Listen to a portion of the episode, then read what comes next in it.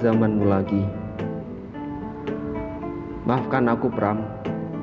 Di dunia ini tidak ada yang abadi, meski karya sudah tercetak menjadi buku. Tidak ada hubungannya dengan religi. Menulis karena keberanian hanya ada pada tahunmu. Zaman kini tulisan melimpah, tercecer di mana-mana.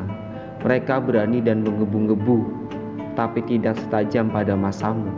Cara ini sudah terlalu tumpul. Maafkan aku, Iji. Zaman sudah terlampau sejahtera. Tidak ada lagi penyair yang hilang, penulis yang disekap, pemikir yang mati terbunuh, jenderal yang tewas di lubang. Tidak ada lagi penduduk yang merasa menderita, sebab tirani menindih badannya. Mereka telah tertidur lelap. Tidak ada sasar yang membawa kabar gembira lagi.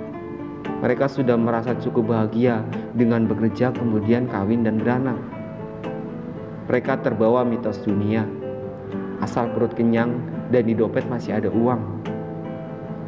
Mereka pandai menulis, tidak hanya dalam buku saja, berkeluh kesah sepanjang hari pada media teknologi, tapi bukan untuk sesama, melainkan diri pribadi. Maafkan aku Anwar, Generasimu saat ini banyak menyukai roman, menggoda perempuan lalu menarik-narik pembalut mereka. Bermimpi, sibuk dengan sajak-sajak rembulan. Mereka kepalang kasmaran dengan diksi-diksi menuju sore.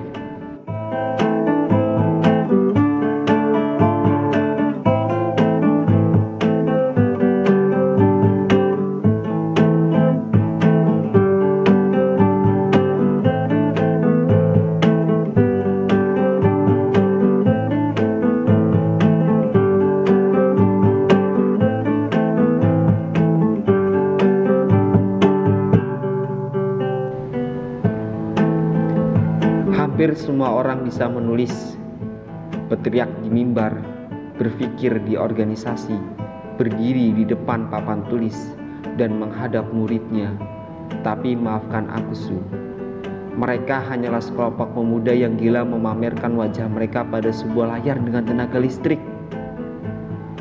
Inilah hidup pada zamanku, bukan zamanmu lagi.